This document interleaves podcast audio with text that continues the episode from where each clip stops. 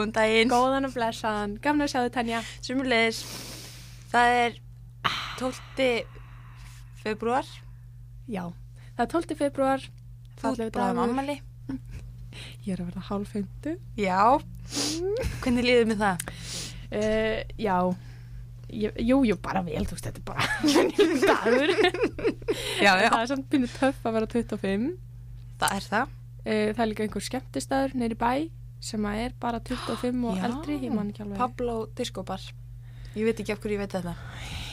Ég hef aldrei fann þanga. Bara hann spennt. Mér er sagt að það sé mjög góð staður. Já. Þannig að, Æ, ég, Tanja, ég labbaði já. þegar ég misti pínu á.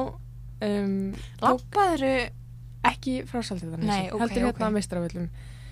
En mér langar svo að snýta mér. En ég kann ekki alveg við það. Það voru bara að hafa það. Jæja. já. Hvernig er vikan þín búin að vera? Herðu, mm, mér finnst bara eins og hann hafi verið að byrja. Mér finnst þetta svona, Já. þetta núna, podcastið, hlaðvarpið, fyrirgefið. Það markar bara byrjunin á minni viku. Já. Ég bara verði ekki maður með mönnum, kona með konum. Fyrir en hlaðvarpið. Já. Ég rannur í hlað. Mín vika er búin að vera góð. Ég sendi, þú veist, út í heiminn að ég væri einmanna í útgáfunum alveg minni rétt. og heimurinn skilaði mér tilbaka. Ó, svona átt að vera. Svona á þetta að vera. Út í kosmosið, kemur aftur. Já. Ég er mjög spennt fyrir því. Komin með félaga. Geggja. Enda líka príðisfélagi, Já, toppmanniska, dugleg. algjörlega. Ég er spennt að byrja að vinna með henni. Svo horfði ég á Óskarinn. Ég vakti á sunnudags Vá. kvöldnótt. Ég held ég hef bara aldrei í. Nei, ekki heldur. Ok, en ég var bara massa spennt að gera það á lög sunnudaginn. Varstu spennt fyrir einhver sérstöku? Nei, þetta Ah. var algjörlega svona, svona þú veist, uh, hvað segir maður? Spontan. Já, svona um, við íslensku fræðingarnir, hvað er það? Ég manna ekki. Alltaf þýtt í mamma mía þannig að gæði það já. spontaneous hvað, er það til? Nú fyrir við að komast að Já, þessu. kemur til okkar setna Já, þannig að, Mér finnst alltaf pínu skrítið að horfa á svona frækt fólk að því að þau eru svo fínu fötum já, maður hefur séð svo oft í tímaritum en ég held ég hef aldrei sem mannesku í svona flottum kjól. Nei, og eða svona eigum við aðeins að tala um hana Hildi, hvað hún var flott. Já, Vá, mér fannst hún bara, já, ég fekk bara stjörnir í augun. já, gaman. Ég er svo töff að vera flink eða flinkur eða á hljóðfæri. Ef þú getur, Tanja, alveg spurning. Já, Ef að þú getur valið eitthvað eitt til að verða bara massa góð í já, hvað myndir þú velja?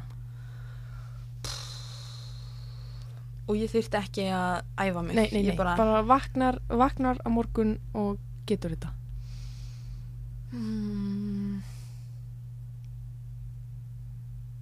Ah, ég veit það ekki. Ingi Björg. Ég ætlaði að segja, fyrsta sem ég dætti í hug var piano. mm -hmm.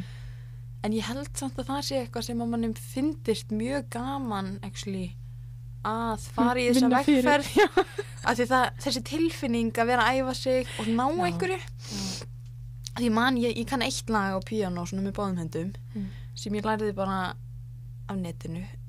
Mm. svona. Allt er nú hægt. Allt ég hægt. Man, já, akkurat. Ég man að ég var að æfa mig, þú veist, vinstri höndin. Mm. svo var ég að æfa hægri höndina og reyna að koma þessu saman. Það var mjög erfitt, en svo allt í einu það bara klikkaði það. Og það var svo góð tilfinning. Þannig ég ætla ekki að segja það. Um, Vá, ég, ég þarf aðeins að hugsa um Já. þetta. Uh, Ég skal deila. Já, Mér þætti geggjað að vakna og geta teiknað bara hvað sem er. Ég bara sé Já. fyrir mér eitthvað í huganum bara ég hef ekkert mál. Hvatvís. blýanti Hva, já, já, það var í kvatvísi Ég er þessu kvatvís að ég myndi mála allt. Já, og teikna, ég setja undir sama hattinn. Já Don't come at me, uh, listafólk Já, Já. Mér finnst mjög gaman að mála. Mm Ég setti mér það uh, sem svona, ég ætla ekki að segja áramóta heit því ég fíla ekki döndilega eru lame. heim. Áramóta heit, ætla ég að segja. Hvað sagður, áramóta? Heim. Ó, já, já. Um, en ég setti mér svona veist, hluti sem ég langaði að gera í ár. Já. Og eitt af því um, var að mála sex myndir. Af því mér finnst Vá. mjög gaman að mála. Og já, ég er ekki byrjuð á því. En það er allt í lagi. Tími. Annað var að dansa meira. Já. Ég er sko aldrei betur fann að dansa meira. Skoða þig. Já. Þannig að þetta byrjar vel. Já. En það sem að mér langaði að tala um Mm. í þessu hlaðvarpi Já, alveg rétt. var að skrifa. Af því að um, eins og við komumst að þá megum við ekki kannski Nei, lesa úr verkum annara. Það var pínu bömmir. Mikill bömmir. Já, við sem sagt ákveðum að senda post á útgáfuna. Var það ekki? Jú, ég sendi á forlæð Á fórlæðið. sem að uh, beint okkur á rítöfundasambandið Já, já. uh, og voru svolítið að spyrja hversu mikið, ef eitthvað, við mættum lesa úr verkum annara án þess að fá leiðu fyrir því. Já. Og það kemur bara ljós að maður má það ekki. Nei, sko, mér finnst þetta pínu glatað. Mér líka. Er ekki, erum við ekki öll bættar í að heyra eitt og eitt ljóð í stað fyrir að sé bara í lokum bókum sem að bara ákunnir einstaklingar opna? Algjörlega, sko. Við erum að vinna með þetta að reyndar- komast út í kosmosið. Já. Já. Ég held reyndar að enginn sé að fara að segja nei ef við náum sambandi. Já, já. Um, en já, þið verður að Við viljum meiri spennt. Kvatvísi í þetta. Akkurat. Við viljum það. Þannig að í dag þá langar mér bara að tala um að skrifa. Jú. Af því það tengis náttúrulega bókmyndum. Algjörlega.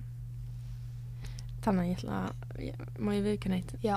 Ég hérna, uh, í gær þá lendi ég og vart í Rommi Kók kvöldi hjá vinkonum mínum Ok. og ég er svona, ég er pínu sippin. Þú ert svolítið sippin. Það er sko miðvikudagur í dag, það var þriðjudagur í gær. þetta pínu vandræðilegt. En ok, svona, nú líf mér betur. Ok, ok, Þetta er komið út. En nú langar mér að vita meira um, um svona kvöld. Hvað þýðir Romy Kókvöld? Við ætlum að hittast uh, við vorum bara fjórar hugulegt, uh, hittast og læra á stúdendakjallarunum Já. veist, eftir átta, það vita allir að það gengur ekkit vel, þannig að við fengum okkur eitt bjór, fengum okkur þriðdags tilbóð, Mm ákveðum svo að fara heim til uh, einnar og þar spilum við Besservisser og drukkum kók og svona hann kanilrommið. Og, kanilróma Já, hann að Fireball rámið Sko ég, þarna, þegar ég segi oi, þá er ég ekki að tala um reynslu, en ég get bara, ó, ég veit ekki, ég ímynda mér að, kanill og kók fara ekki vel saman. Gerðu það það? En ég, ég veit ekki alveg ég, Þú veist þetta var ekkert gott. Þetta betur en eitthvað annað Ég veit ekki alveg. En já, já, nógu þetta. Nei, fyrst við erum að tala um kanill, sko, þá verði ég að segja sinni var ég í vinnunni og það voru svona, já, á Já. bókasafninu. Og í skálaborðinu voru svona súkulaði, hjúpaðar möndlur og það sem ég held að væri utan á var pipar, piparmöndlur. Tók eina, stakk upp mig það var kanil. Þú trúir því ekki hvað ég varð fyrir miklum vonbreyum ég spýttur út í mér, þetta var ógislegt Vá. Þú veist, kanill á heima á hafragraut Já, eða grjónagraut, já. Bananabröð eplakökum mm. ekki súkulaði Nei, nei, já. Og örgulega ekki kók heldur Nei, var pinnskriði En ég er sann sko skemmt mér konunglega. Það er gott. Hver vann? uh, Ég maður ekki. Nei, djók, þetta var ekki Ég er svo deila. Sko, þetta var ekkit mjög alvarlegt. Við erum ekki Nei. mjög keppnis. Það var meira bara svona Allt mjög siði fáið og skemmtilegt. Það er gott. En já, þannig að kannski mun ég bara skrifa ljóðum þetta einhvern tímann. Já, Þannig að punkta þú niður ef þú fær hugmyndir. Uh, til að skrifa? Já. Eða hvernig gerur þetta? sko. Ég er ekki mjög duglega að punta niður nei, en ef ég fæ þessa tilfinningu þess að svona vá, Ó, ég hugmynd, verð að skrifa já. þetta þá ger ég það yfirleitt sko. Mhm. um, en ég er ekki mikið að punta niður eitthvað bara svona yfir daginn. Um, ég gerði það aðeins í tíma í gær ég puntaði niður tvær tvær hugmyndir Já, að ég- byrjun. já, Hanna, akkurat já. við höfum að finna tvær upphafslínur að, að ljóðum Mhm. um, en ég, ég er ekki svona manneska sem geng með, með stílabók í vasanum nefnilega ekki ég. Mér finnst það töff samt. Mér finnst fólk sem að er með útkróta bækur mjög rítlegt. já, ég held að þetta sé 80% leti um, í fyrsta lagi að nenni ekki að vera með bók alltaf og passa að hún sé með mér Já. og í öðru lagi að nenni ekki að taka upp bókina og skrifa Já. Ég var einhver tíman að vinna með notes í símanum. Á ég lesa fyrir ykkur. endilega Uh, maður sjá, ef ég fegur notes hérna, þá fyrsta semstendur ég man að ég skrifaði þetta þegar ég var uh, á klósettinu á skemmtistað. Og þetta er svona og ég finnst þetta vandræðilegt ég stýn þegar ég kasta að mig bjór. Og ekkert meira. Og þetta er fyrsta stafsetningum villum. Og þetta er sko ríkalegt og þetta er bara svona játningadagur í dag. En svona, svona hluti maður að skrifa niður já, þú veist, maður veit aldrei hvað verður úr þessu. Akkurat, þetta getur orðið lína í skáldsögu hjá þér eftir Vá. fimm ár. Mm, mm þú veist, maður veit ekki þannig að þetta er, þetta er líklega vani sem maður ætti að venja sjá já, ef maður vill uh, eða ef, ef maður er svona rítneiður já. ég hef alltaf sko haldið að ég hefði gaman að því að skrifa eða svona hafi gaman að því að skrifa svo núna bara í þessu blessa nám okkar já, þá fór ég í uh, fyrsta reitlistar áfangan þá fatt að ég hef ekki skrifa neitt að viti í bara síðan ég var bann já, og mér fannst svo gott að einhver sagði við mig krakkar, nú þurfum við öll að vera búin að skrifa, ég veit ekki þú veist, 300 orða uh, prósa um bíla. Já og ég bara ok, ó nei, ó erfitt eitthvað, allt er svo umulegt svo byrja maður og þetta er svo gaman. Ég veit það. Og það er svo gott þegar maður loksins svona dettur í gýrin mér finnst þetta geggja. Já, en þetta voru líka, óps, þetta voru líka erfiðustu tíma sem ég held ég setið. Það var það? smásögur reillistasmiðan ok. Hvað voruð það að gera þar? um, Varst þú ekki honum? ég var ekki honum. Ó já, þetta er bara raunin mjög svipað eins og þessar smiðjur nema það var fyrsta sinn sem ég þurfti að skrifa og einhver annar sá það. Já, og sko ég var með hjarta í buksunum mér fannst þetta Ég svo trúi því. erfitt og þetta, mér fannst þetta svo vandræðilegt og var eitthvað svona já, hérna er ég sko að reyna að skrifa flott. Viljið þið lesa? Og það var bara eitthvað svona já, þetta er bara eitthvað hluti sem að manni finnst að maður eigi að vera góður í ef maður er að gera það á annar pólð já, skilur já sem er samt eiginlega svo astnalegt af því að af hverju máttu ekki bara skrifa meðal astnaleg Jóna tilfinning. texta, já. akkurat. Ég sko já. Ég hlusta á hlaðvarp Já. mjög gjarnan, reglulega. Eitt af uppáhaldshlaðvarpunum mínum sem heitir How to Fail. Já, uh, þar sem ég held hún heiti Elizabeth Day sem er að taka viðtöl við fólk og það er mjög gjarnan uh, blaðamenn, rítöfundar og eitthvað, ég veit ekki hvort það segir eitthvað. En allavega mm, síðast, það var síðasti þáttur sem ég hlusta og þá var hún að tala við uppistandara eða grínleikonu eða, eða hvort vekja já, og þessi kona var að tala um að hún fór ég held hún hef farið á einhver svona leiklistar braut í háskóla og þar hafi verið kennari sem þarna sagði við þig að þau ættu að ó, hvað sagði hún, þetta var mjög flott. Jú, hún sagði dare to fail. Já, bara, þú veist. Já. og einhver annar hafi sagt við hana það er ekki nóg að það er ekki nóg að þú veist, vera sáttur við að mistakast. Manni þarf að finnast það gaman. Já. þú bara að baða þig í mistökunum. Úf, og það er eitthvað til því held ég. Af því ég er svolítið það hana, er samt öruglega að vinna í því að komast angað 100% sko. Og ég bara fæ gæsa þú veist, ég er svona og hef alltaf verið uh, ekki, ekki mikið fyrir mistök. Nei, þól ekki að gera mistök. Já. uh, þannig þetta er eitthvað sem ég er að vinna í sko. Mm en mér finnst svo flott að hafa þessa hugsun já, að bara gegja, ég gerði mistök.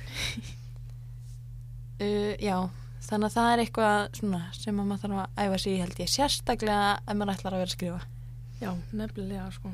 Og bara koma með einhverja ógeðslega ömurlega texta og lesa þau upp og vera bara þetta er það sem ég gerði í dag. Já, ég nefnilega mér finnst þetta mjög erfitt. Já, eins og það hefur komið fyrir að ég sleppi því að skila verkefnum í skólanum af því að ég vil ekki að Úff. kennarinn sjáu já, hún skrifa mjög lélegt. Já, þá frekar sleppi ég þeim og leifi sjálfur mér að njóta vafans. Já, sem að er sko göllu hugmynd af því hvað í vestafalli fæ ég 5 Já. eða 6 og þá er ég samt komið með 5 eða 6 stíg meira heldur en 0 já, en þetta er einmitt og eins og sérstaklega það að sína eða lesa fyrir einhvern þegar maður hefur ekki gert oft áður uh, texta eftir sjálfan sig. Maður er svo berskjaldaður. Þetta er bara já, algjörlega. hérna sjáu þið mig að reyna eins og ég get Mhm. að vera flottur penni. Já, og mér finnst þetta reikalegt en ég er orðin betri í þessu og þetta er skemmtilegt. Þetta er skemmtilegt. Og sko þá meina ég betri í að díla við þessa tilfinningu. Já. Sko já, mín, mín svona vekkferð í átta mistökum byrjaði held ég eiginlega í framhaldsskóla bara. Þá fyrst fór ég að hugsa svona já, ég þarf ekki að vera fullkomin alltaf. Já, af því að ég man að ég var í tíma, íslensku tíma og við vorum að skrifa held ég bara einhver svona sögu eða eitthvað í tíma. Og kennarinn kemur svona og horfir yfir ákslina mína og er að horfa á blæðið og ég segi bara eins og ég seg, sagði alltaf ef þetta gerðist bara þetta er ekki tilbúið og hann segir nei, væntanlega er þetta ekki tilbúið Mhm. þú ert að skrifa þetta. Og ég er svona, já það er rétt þér. Og hann bara, af hverju ert að byggjast afsökunar fyrirfram? Eitthvað sem er ekki eins og fullgert. Já, og hann veit það. Já, já, og já. Já, já. Þannig að gerið mistök já. og gerið mörg mistök. Elsku krútin mín. En Það er líka, það ótrúlega gaman að heyra hvað aðrir eru að gera. Af því að þetta er svo held ég algengt að þetta sé eitthvað sem að feimin skúfuskáld er að dunda við. Svo bara svona, nei, já, maður les kannski fyrir mömmu sína eða eitthvað og hún sér þetta Mhm. sé flott. En ég maður svo kannski maður að fimm af góðu vinum hans hafa verið að skrifa bara, wow, algjörlega. viltu lesa? Nei. Sem ég skil, en það er samt svona, "Ah, ok ekkert mál. Já, það er svolítið eins og maður sé að snúa húðinni út á við svona. líka eins og sérstaklega ljóð það er svo létt að bara guppa svo miklum tilfinningum á, í nokkur orð. Mm -hmm. og svo ótrúlega eitthvað berskjaldandi að ymmit lesa þau.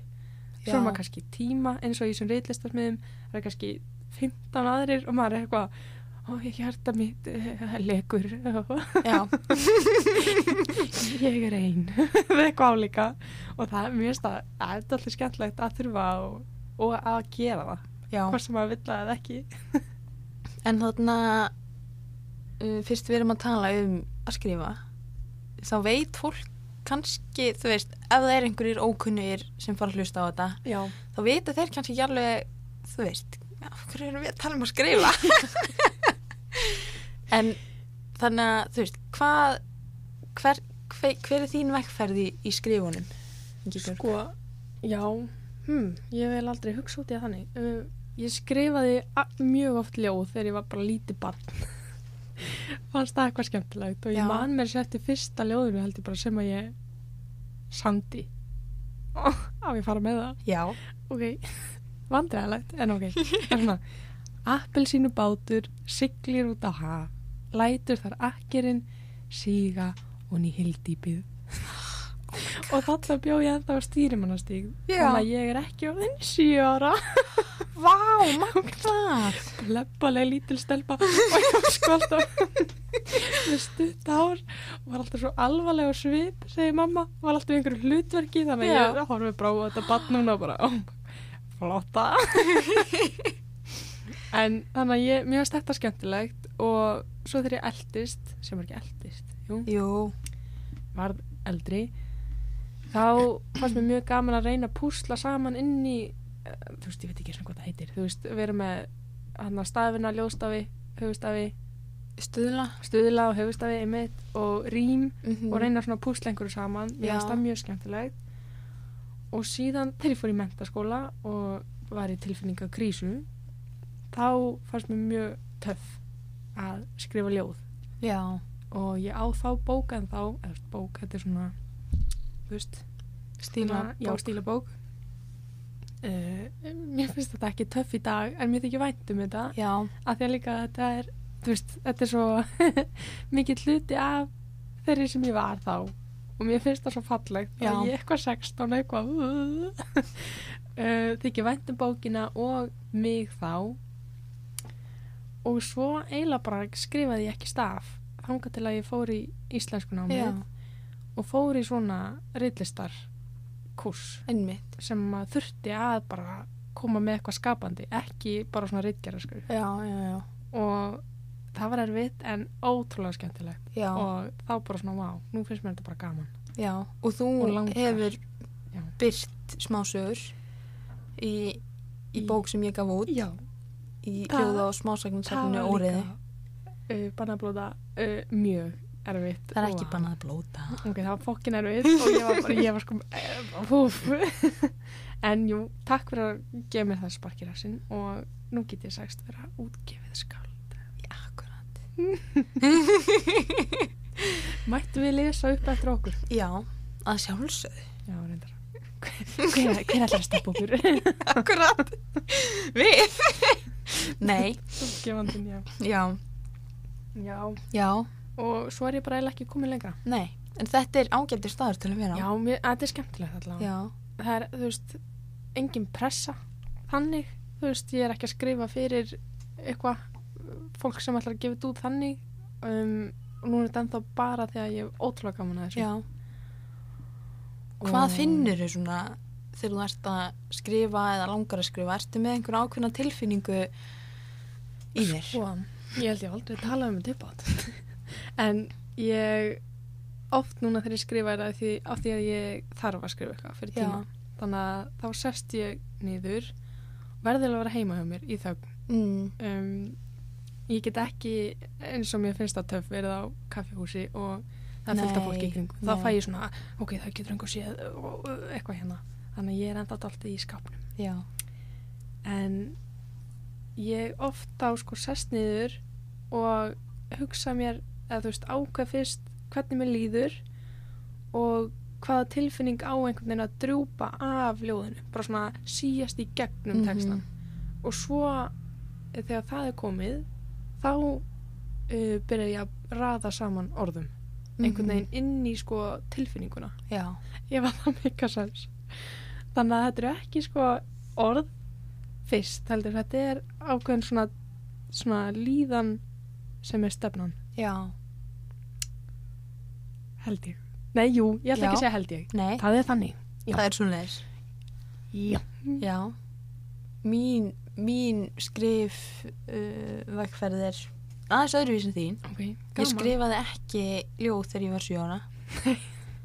um, en mér fannst samt alltaf mjög gaman í íslensku að það var mjög ofta föstudöfum var svona rítunartími þar sem kennari sagði í grunnskóla í grunnskóla, já. krútlegt, já Já, ég vildi að ég ætti þá stílabók en þá, Ó, en ég veit ekki hvar hún er. Ég reyndar ekki kannski leita að henni, ég ætti að gera það.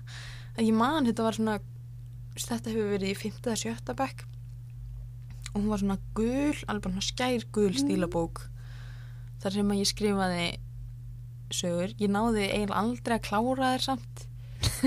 uh, þú veist, að því að ég bara einhvern veginn hvarf inn í þetta og var mjög, ég, ég hugsa mjög lengi um það sem ég skrifa. Já. En þetta voru samt, þetta voru uppáhalds tímandi mínir, alveg bara út grunnskóla.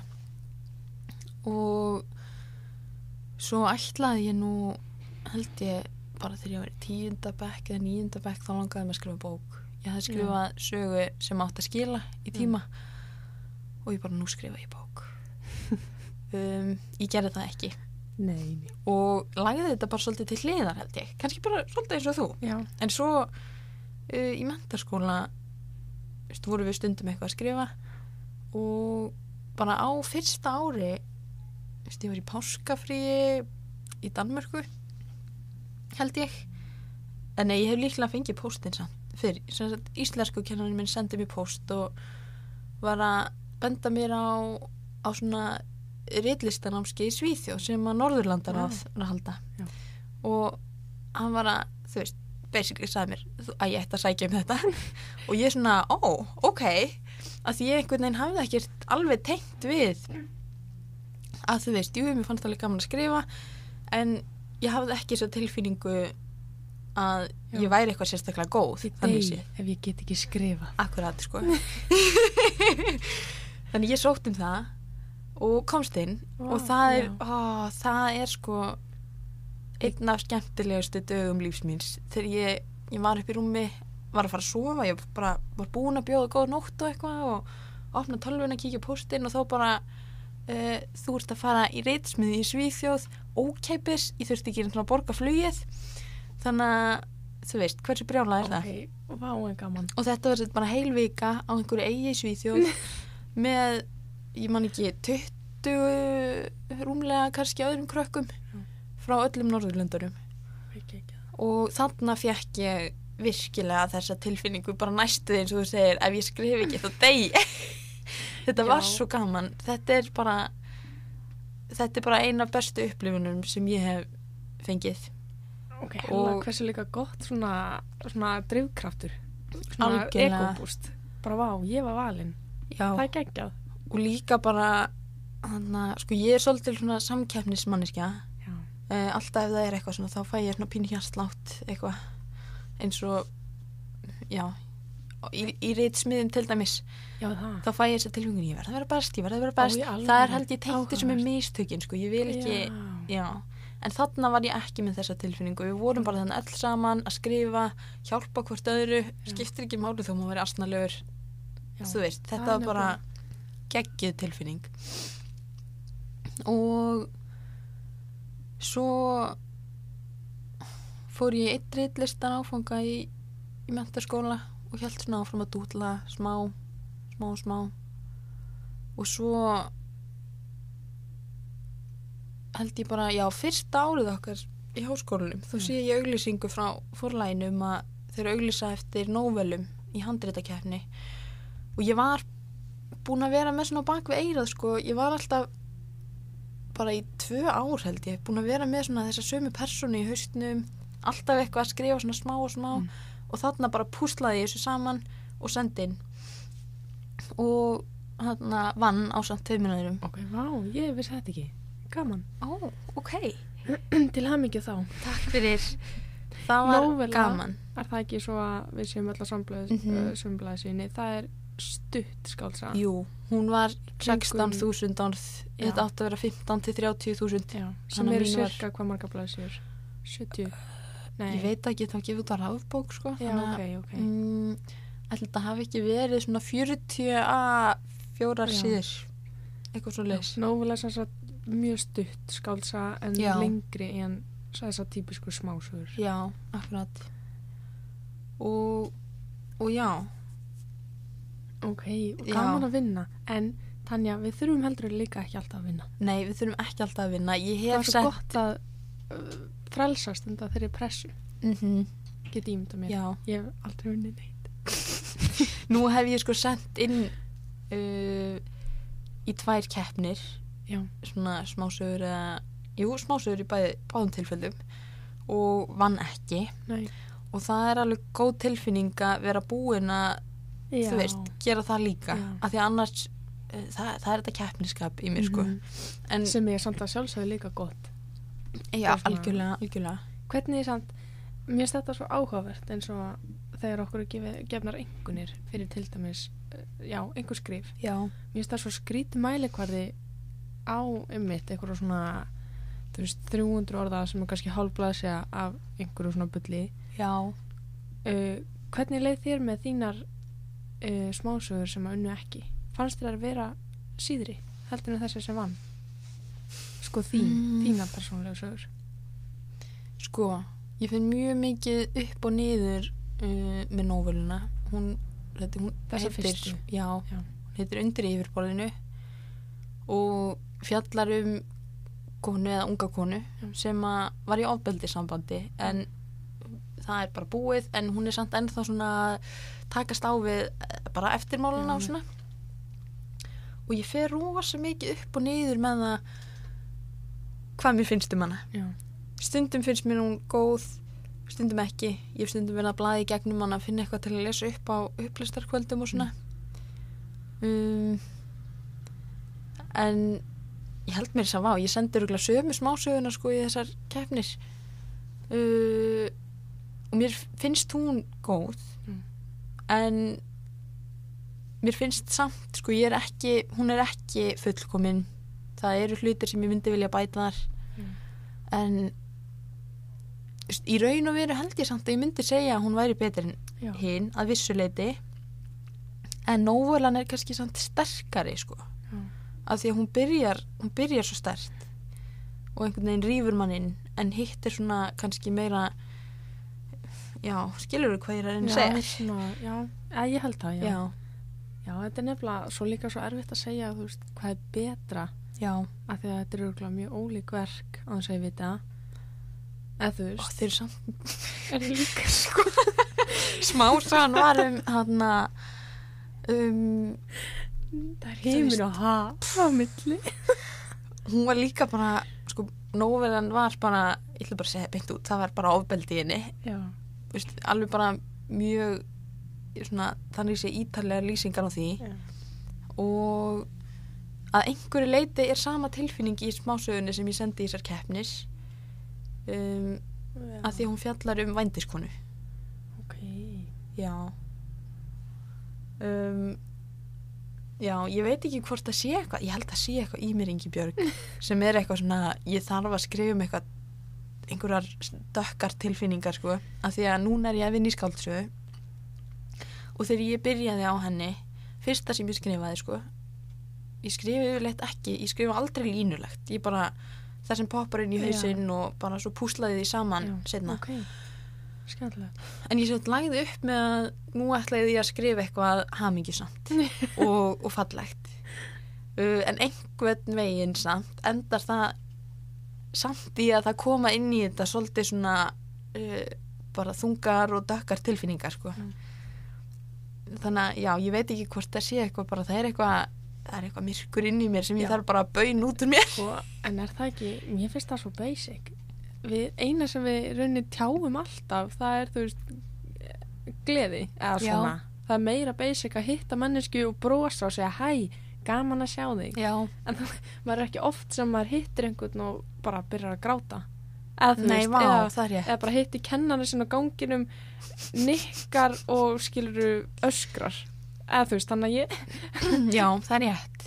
þannig að ég, mér finnst ekki skrítið að þegar maður er einn með sjálfum sér að þú veist eins og kannski þú uh, allan ég skrifa mikið út frá tilfinningum Já, þá er ekkert skrítið að það sem að maður færi aldrei einhvern veginn að tróða út úr sér að það fái mitt að leika niður á síðunar sem maður er einhvern veginn að vinna með. Já. en já. Ég man sko einhvern tíman þetta, greinilega byrjaði bara strax eða mjög fljótt. Já. af því að þegar ég var í hann að rítlistaráfangurum í mentaskóla þá sagði kennarin einhvern tíman við mig þessi sem sendi mig til Svíþjóðar uh, hann spurði mig uh, af hverju hverju þarf þetta alltaf að skrifa svona ljóta hluti það Svona er kannski ekki ljóta. En þú veist, það var eitthvað á þeim nótum og ég bara, ég veit það ekki. Það er bara, þetta þarf að brjótast út, þetta er eitthvað í mér. já. já, en ég meina þetta er líka bara það sem að fólk hefur gaman að sjá og lesa eins og Já, eins og alla bíómyndir í heimi það er einhver sem að deyr, það er eitthvað morð líka við, nefn í romantískum gamanmyndum. nefn í romcoms Já, sem ég hef, uh, það er eiga sinn snað í, í mínu hjarta. Ég horfði á mikið af þeim uh, sérstaklega með mömmu minni. Já. Við erum þrjár stelpur á heimilinu, einn, einn maður og við fengum eiginlega alltaf að ráða. Já, hérna, mér datt eitthvað semigáulegt í hug. Hvað er það? Já, ég maður ekki. Nei, nei, ok. Uh, en að skrifa, já. Uh, Jú, herðu, uh, aftur að tilfinningunum, ég er, er först í tilfinningum. Ég elska tilfinningar. Mér, já, já. en hérna, ég man að í mentaskóla þá var ég fyrsta sinn á æfinu skotin í strák og Já. eitthvað svona, allir þessi bakki og síðan gekk það ekki, bara eins og gerist og gengur Já, já. og bara þetta var agalegt ástand agalegt og þá einmitt skrifaði ég þessa, í þessa stílabók mína Já. og svo einmitt uh, var það ekki fyrir nýðisar reitlistar tímum og ég man að ég hugsaði bara þú veist, það hefur ekkert gerst það er ekkert merkilegt í gangi í mínu lífi sem ég þarf að skrifa um. Mm eitthvað svona, þannig að þá leið mér eins og ég þyrfti að sækja í einhverja svona sterka, erfiða reynslu til að geta skrifað. Mm. þú veist að svona, ég veit ekki fara að upplifa heiminn og þú veist, láta ræna mig eða eitthvað og missa allt og, og geta svo skrifa úr því. Það var eitthvað svona sko. Ég hef ekki lent í neinu maður, ég hef ekkert til að skrifa um. En svo einhvern veginn fattar maður að, eða sko ég líka fattar að ég get búið til tilfinningu Já, veist. ok. ég get svona farið á sættana sættana, fyrir ekki við sót ég, ég get farið á sóttana þú veist, bara vá, ef að ok, ég ætla ekki að segja, jú, ég ætla að segja þú veist, hvað ef mamma og pappi myndi deyja Já. þá get ég svona ímynda mér það og svona, svo sprettur eitthvað upp á þeirri tilfinningu Já. Þannig að ég er hægt að reyna að svona sækja í erfiðar upplifanir af því að mér finnst það ekkert gaman Nei, ég skil þig. ekki það að ég var mikið í því samt ég veikinni, ég gerði það ekki en ég ímyndaði mér Já, já. Já, ég á auðvelt með að, ég ætla nú kannski ekki að segja að fara að ímynda mér hluti svona bara upp úr engu, já, en ég á mjög auðvelt með að, ef ekki bara að segja, að gera úrvalda úr mjög Já. Sko, ég er mjög fljót að fara bara að draga verstu mögulega álöktun. já.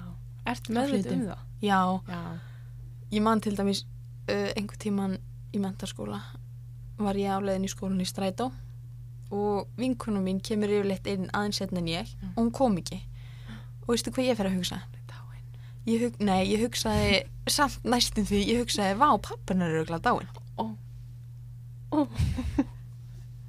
og ég hafði mikla áhyggjur af þessu alla leiðin í skólan og á meðan ég var að býða eftir að tími byrjaði og svo bara náttúrulega kemur hún og misti bara strætó, þú veist.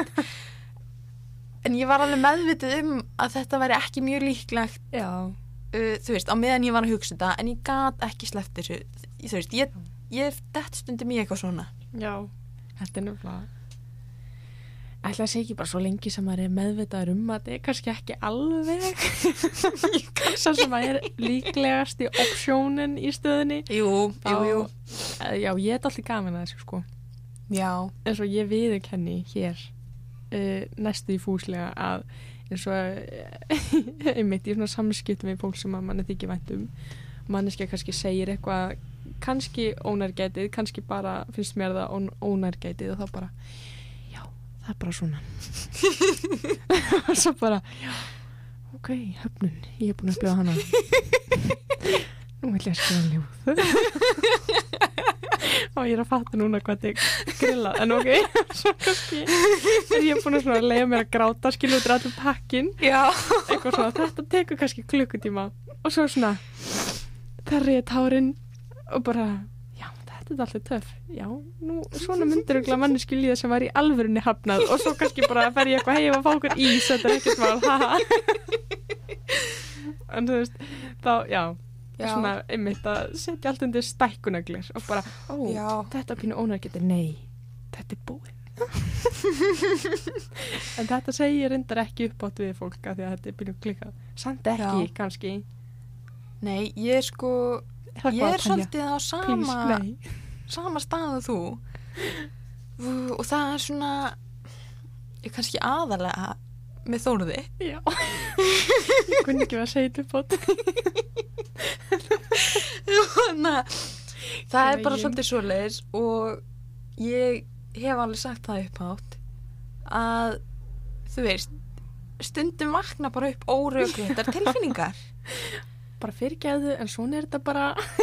og þarna og stundum er ég mjög meðvituð um að þetta er ekki þú veist, þú ert ekki í rétti hérna Tanja þetta er skrítið og asnalegt um, en það getur Æ. samt verið gott að segja það upp átt Já, stundum þarf maður bara aðeins að gráta yfir því Já. og segja það upp átt og þá fattar maður hvað þetta er lítið mál já, ég er sammálað þessu. Eða svona, ég tengi. já, Ég tengi við þetta. og það er veist, þetta er gott efni í, í skrif sko. Já. svo við leiðum okkur aftur á það Nei, já, ég, sem sagt, já, ég, mér finnst þetta mjög ennþá bara allt í góðu lagi og flott og gaman.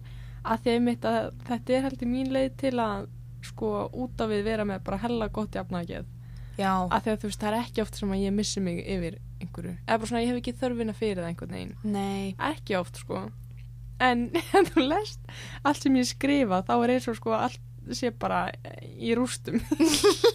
Sem er kannski ekki alveg en að öðru já, núna erum við þessari eh, umræddu ljóðasmiðju. Já, og öll ljóðin sem að hafa komið út um mig núna já. eru eh, glöð og hamingisum og um ástina. Vá, er það því þú ert ástfangin? Á, en vandræðalegt. Uh, dagur játningana, já. Þú veist hver þú er. Nei. Djók. Um, Jú, vonandi er samt þið eru að núti strákar. en já, en ég sko, ég hef oft hugsað, það er svo erfitt, þú veist, hversu marg notað og undin er svo tuska að fjalla um ástina. Já, en síðan var ég bara ok einmitt, aftur af pressunni þetta ljóð á ekki að sína fólki hvernig það er að elska. Þú veist, þetta er bara Mhm. hvernig mér liði vel og pínur skondi og skemmtilegt og búið. Já, það þarf ekki að vera eitthvað, wow Ingibjörg Bjarnóti fætt 95 dáin, og eitthvað eitthvað mistari ástarinnar Nei, já, nei, ég er ekki búin að skrifa neitt ástarljóð, nei. held ég. Ég skrifaði síðast Síðast skrifaði ég um uh, Já, ljóði hétt neðan sjávartjam. Já, gaman. Já, á ég lesa það fyrir ykkur? Já, Ef ég finn það. Hérna, mér langar að henda einu út í kosmosi á meðan Já, Uh, það er pínu tengt, pínu ótengt. Þegar ég var í grunnskóla, þá var ég mitt uh, góð í skóla, stilt og prúð, uh, en fannst mjög erfitt að vera ekki best. já, Og ég, ég, ég er svona 13, 14, yngri, tí, tó, eitthvað, þið viti, pluss mínus. Og þá einhvern tímann tók mamma mig á teppið. Hún, ég man að ég satt á stólinn í eldhúsi og var eitthvað að stressast yfir einhverju landafræðiverkefni eða eitthvað. Og hún svona heldur um aukslan á mér og segir, Ingibjörg, þú átt ekki alltaf að vera í fyrsta seti þú átt að stefna á annað setið í lífinu ég eitthvað ah, ah, þetta segi ég eitthvað þú átt að vera klappstýra mín eitthvað og það var svo engi nei, hlusta á mig það er allt og mikið pressa sem fylgja að vera í fyrsta seti ef þú ert í öðru seti hvað, hvað svo sem það er þá ertu bara framústöfnulega góð í því en þú þarft ekki alltaf að halda fyrsta setinu og mér fannst það magnað já Þetta, Þetta er mínar. Við mistökin sem við vorum að ræða á Maður verður að geta gert mistök Já. Stefna hátt ef þú vilt það en samt ekki endilega að þurfa að vera bestur í heimi. og þú veist, það er ekki heimsendir Nei. þó að uh, ljóðimanns verði ekki byrt í þessu blaði í fyrstu tilraun, þú það er veist prófaði tíu sinnum Mm -hmm. og svo máttu það- fara að gráta Það er, já, eða bara alla leiðina líka. en einmitt að ef að það tæknin skiptir einhver máli, hvað er það sem gerist? Jú, maður fær sjálfur þessa höfnunar tilfinningu en það er ekkert annað, það er engin annar að fara að horfa þig og benda og hlæja. Nei, Þú veist, það er ekkert. en það er léttar að segja þetta en að algjörlega hugsa. Já, já, þannig. Neðan sjávartjám Sægrætt glampi og sólstafir Sandur millir tána Þarablað á tungunni Svartur blámi og tunglstafir Við skálum í saltvatni og fljótum dauðadrukkin heimáleið þegar rækjurnar fara að narta. En gaman, já, ég sé fyrir mér svona hafmeir og hafmenn, Já, en krútlegt, já. ég sá fyrir mér lík. Á, á, ok, já. Sko, Já. vissur þau að, að rækjur borða lík sem að er í sjónum? Bara upp til lagna, geta. Um, nei, Ég held ég sé það bara meikar með rétt mál. jú, þær eru alltætur. Já, Ok, jú, ég held það. já. Þetta, já. ok, ég fæ að kíkja þetta aftur. Þið Já. heima, þið spólið aftur, hlustið aftur. Já, Ok. en þannig að hvað Á, finnst þér um svona uh, nýliðun í, í, í ritheiminum? Þú veist, hefur Já. lesið mikið af, af efni eftir ný og, og fersk skáld? Sko, um, það fer eftir í hver spyrir mig. Mér finnst mjög erfitt að segja já, ég er mjög vel lesin. Já, Af því að það er svo, að það er ógjörningur að lesa allt sem, algjörlega. á, allt sem maður á að lesa. Þannig að, uh, nei, en ég, að, jú, jú, ég held það. Nei, veit ekki. Smá. Ok, ok. Það er eiginlega, það eina sem ég les eru ný skáld, sérstaklega varandi ljóð. Ok, Um, það er spennandi. Já, og sorry, uh, Eymundsson, ég fer mjög oft inn á Eymundsson og sko, nú er ég örgulega kærið en ég svo sett er í kápunum minni og stend svona og svo flett ég ljóðabækum og les þau og les bækurnar en kaupi þær ekki Úps. Uh, hvað ræður því hvort þú kaupir bókað ekki? Kápur Kápur. kápur og En bækurnar sem þú ert búin að lesa? já, Líka það? já, ef að ég finn uh, hvað sem svo sem það er uh, góða bók uh, klárana, það á líka við sko um skáld, skáldsögur og eða bara allt að uh, ef ég les hana og mér finnst þú geggjuð og hún snerti mig einhvern veginn, þá langum að kaupa hana þannig að ég er mjög mikið á bókasafnum líka Mm. Og kaupi ekki svona í jólabókaflóðinu eða Nei. svona random bækur ég meira að lesa þær og kaupa þær svo Ég skil þig. en uh, að því að við erum bara á ljóðavagninum í dag þá ég hef ótrúlega gaman að ljóðum sem að er einhvern veginn eins og þau séu ekki að reyna að vera töff eða Mhm. skáldleg en það er líka í tísku núna þannig að örgulega litast ég á því en eins og til að neymdroppa svona klassískum þá eins og minnst Fríða Ísberg mjög skemmtilegt Mhm. ljóðskáld og hann vinnur okkar, hvað heitir hann?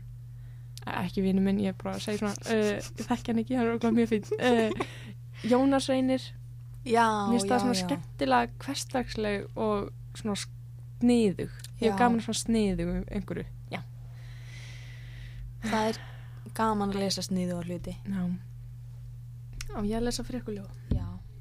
Þú þarfst að tala smá með hann þannig að því að Ok. ég þarf að Uh, finna það Ég hef ekki lesið mikið á ljóðum, finnst mér. já, alveg, ég lærði það bara í síðasta hlaðvarpi Já. ég held að þú verið ljóða kona Já. Ég er það ekki. það er skemmt Uh, samt hef ég alveg gaman af ljóðum, sko. já, En það er þetta, pff, ég veit ekki. Ég er bara, ég er ekki mikið að fara inn á bókasafn og, og taka ljóðabækur. nei Mér finnst held ég bara skemmtilegra að þegar þau verða það svona á vegi manns, óvart, já, bara svona eitt og eitt. Um,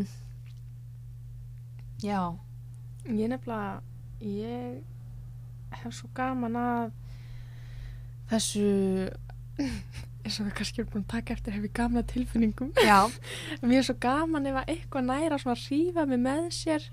Ég er kannski bara í góð tili að þú veist, fá mig vatn eða eitthvað og bara jafnvægi, svo les ég eitthvað skemmtilegt ljóð og ég er bara svona, vá ég er honum leið.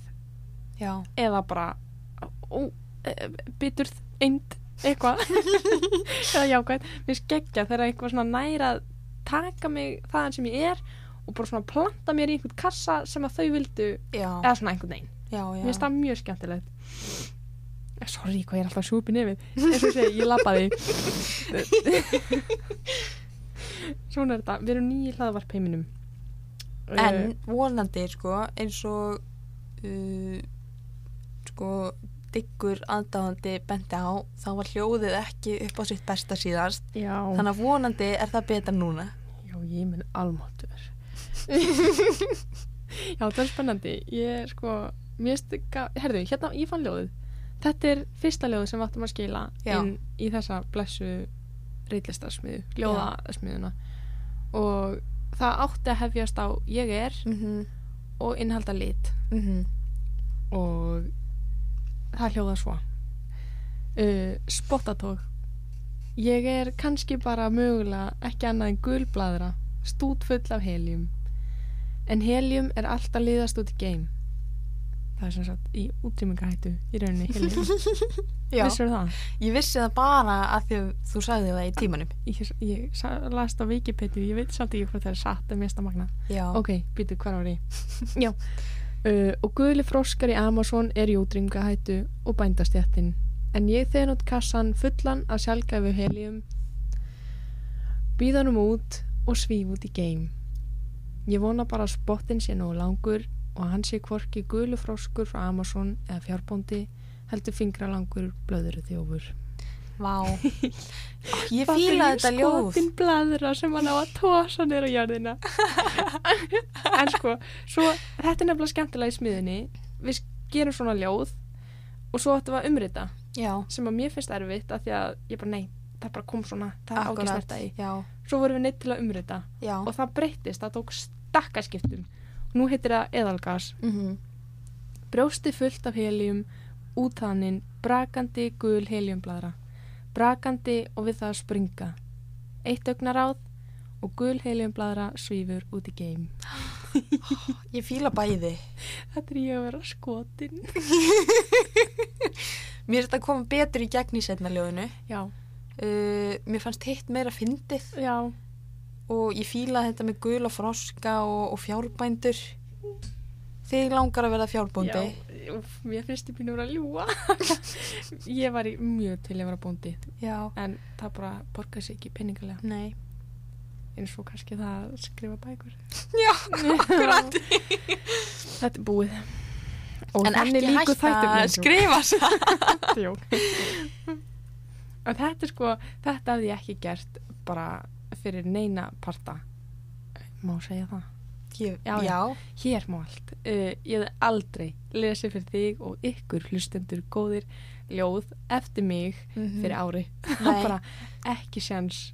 Það er, þú veist, um leiðum maður er búin með fyrsta skrefið já, ekki er þetta þá verður næsta auðveldana Við lofum. einmitt eins og Nei, kannski lofa ég já. en sko eins og við vorum að segja á þann uh, það er enginn að fara að ringi mig og bjóða mér þú veist, bókmöntavelun Nobels eða Nei, eitthvað. akkurat. En það er líka ekkert slæmt að fara að gerast. Einhver kannski heyrir þetta og segir já, flotta. En mér fannst þetta gaman. Já, þetta snýst svo mikið um um, um tilfinninguna í, í brjóstkassanum. Já, að því til dæmis ég finn ó, ég veit ekki hvernig ég á lýsinni svona, hún er næstu því svona kýtlandi það er, það er kannski eins og orðin séu eitthvað að synda hérna í bringunni. Ég skrifaði um þetta í ritlistan áfunga í fyrra held ég. Já. á ég að lesa það? Já, endilega. Fyrst við erum að lesa. Þátturum breyttist í Ingeborg og Tanja hlustir og njótið. Æjæjæj sko, ef við erum aftur að hugsa hvað var þá hefði mér heldur ekki dott í hug fyrir sko tveimur og halvur viku að við vorum að fara búa til hlaðvarp og lesa upp nei, Pff, alls ekki. Æjæjæj Heyrðu, á, á meðan Tanja er að grúska þá ætla ég að segja ykkur frá ákveðna atriði í mínu lífi. Uh, uh, aðtuglir það var það, já, já, hlustendur muna eflaust að ég var að baslast við það að skrifa ljóðaríkjart og ég ákvað að skoða ljóðan aðeins betur skildi ekki neitt og það var engar ígjur en svo fann ég út úr því að ég ætla að skrifa um dauðan já, Þannig að þetta var sem sagt ritgerð mín varð um það hvernig viðþorf til dauðans er eða byrtist í þremur völdum ljóðum í þessari bók. Þannig að bara til hann ekki ég og þetta gekk bara ágætlega takk fyrir.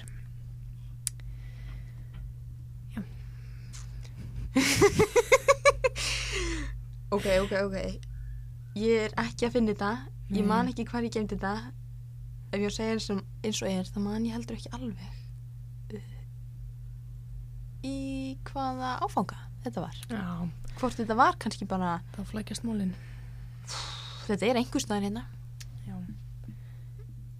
Áttu allt sem hann skrifar. Uh, allt, ég, ég hendi engu, skulum Mm. við segja. Um, en en það týnist samt kannski bara í tölvunni þú veist, ég er ekkit endilega að fara í gegnum það svona, en mér finnst samt mjög gaman þegar ég er með mikið af efni í tölvunni gamalt og, og fer svo í það og, og annarkvort þú veist, það fer oft þannig að ég hugsa vá, þetta er bara nokkuð gott. Eða vá, þetta var hræðilegt. Já. Mér finnst svo krútlegt að finna eitthvað sem er grútglatað af því að mér þykir líka svo vænt um það. Af því að þá kannski man ég hvað ég var að hugsa eða eitthvað svona og ég hugsa alltaf svona að ég krútið þitt að vera að reyna að skrifa svona. Án þess að gera þá lítið úr þessu það er svona smá en samt svona ok, þetta áttir á rétt á sér og var krútlegt þegar það var og hétt eins og öruglega allt sem ég gerir núna mun verða eftir tíu ár. Já, svona, já, sæta mín. Duglegust mín að skrifa, skrifa. Já. Um, langar að finna þetta. Þetta er búið. Já, já. Og svo er ekki einu sinni hvar eru? Að rítunarverkefni skilaverkefni. Kæri hlustendur, nú aha, það er gott að þetta. vera skipulaður í náminu. Já, það er gott að vera skipulaður í skrifunum. Og ekki mér finnst gaman líka sko. Ég er mjög gjarnan að taka til í dóttir mínu og, og henda og henda. Ó, uh, og oft nei ekki oft, ég ætla ekki að segja það. Síðast þegar ég fór í svona kast þá fann ég alveg tvær stílabækur eitthvað skóladagbók og eitthvað. Í hendingskasti. Og þar var ég búin að skrifa inn í og þá Já. fattaði ég bara svona vá hvað er gaman að lesa pælingar sem ég skrifaði Já. bara á einhverju svona random staði. Mm -hmm. þannig að það er líka gaman að vera óskipulaður og já. Og hérna kemur þetta er, þetta er ekki ljóð. Þetta er svona þetta er texti. Hvað kallum við það? Prósi? Nei, það er bara texta, segjum bara texta veit, já, texti og það ber heitið staðsetning óþægt og var unnið sér rætt í, í reillastar námskeiði Já. um af hverju við skrifum af hverju skrifa ég ég hef áður velt þessari, þessari spurningu fyrir mér ekki oft og mikið en af og til svona annað slæð samt hef ég ekkert almennlegt svar á reyðum höndum. Ég á erfitt með að koma hugsunum mínum í orð. Þeir eru út um allt og sterklega bundnar nafnlausum tilfinningum sem reglulega stinga sér til sunds í brjóstkassanum. Ég var vísu aldrei reynt að veiða þessar svamlandi tilfinningar upp úr sundlauginni sinni og hengja þær til þerris á blaði svo kannski finn ég almennlegt svar við spurningunni í þetta sinn. Ég skrifa að því að það er einhver kýtlandi tilfinning ofinn saman við stóðkerfið og lungun og blóðrósina þorsti sem engungu er hægt að svala þegar hugsanir mínar fá gubbastnir og blað. Mm. sennilega mætti kalla þetta óbílandi þörf fyrir að skapa og því meira sem ég læt eftir henni því fyrirferða meiri verður hún. Hún sprettur upp við ýmsal aðstæður yfirleitt fullkomlega fyrirvaralaust.